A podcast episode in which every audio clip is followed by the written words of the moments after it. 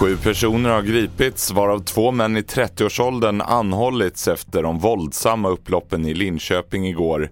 Även i Norrköping är flera personer misstänkta för brott. Flera poliser skadades och nu reagerar Polisförbundet på att antalet poliser är för få för att säkert kunna hantera sådana här stora upplopp. Vi har polisbrist i Sverige idag.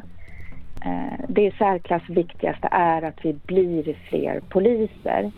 Eh, och det är ju ett måste för att kunna göra säkra ingripanden och skapa en bättre arbetsmiljö för poliser. Det säger Lena Nitz, ordförande i Polisförbundet. Utrikes nu. Översvämningarna i Sydafrika har drabbat fler än 40 000 människor. I östra delen av landet vid storstaden Durban har hela förorter dränkts i lermassorna och många har förlorat hem och ägodelar. Totalt har 341 människor bekräftats döda och översvämningarna är de värsta i landet på 60 år.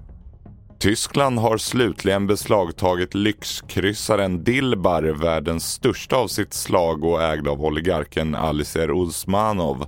Tullen har i veckor försökt få tillstånd att beslagta lyxkryssaren men stoppats på grund av oklart formellt ägarförhållande. Det har efter utredningar nu klarnat. Fler nyheter finns på tv4.se. Jag heter William Grönlund.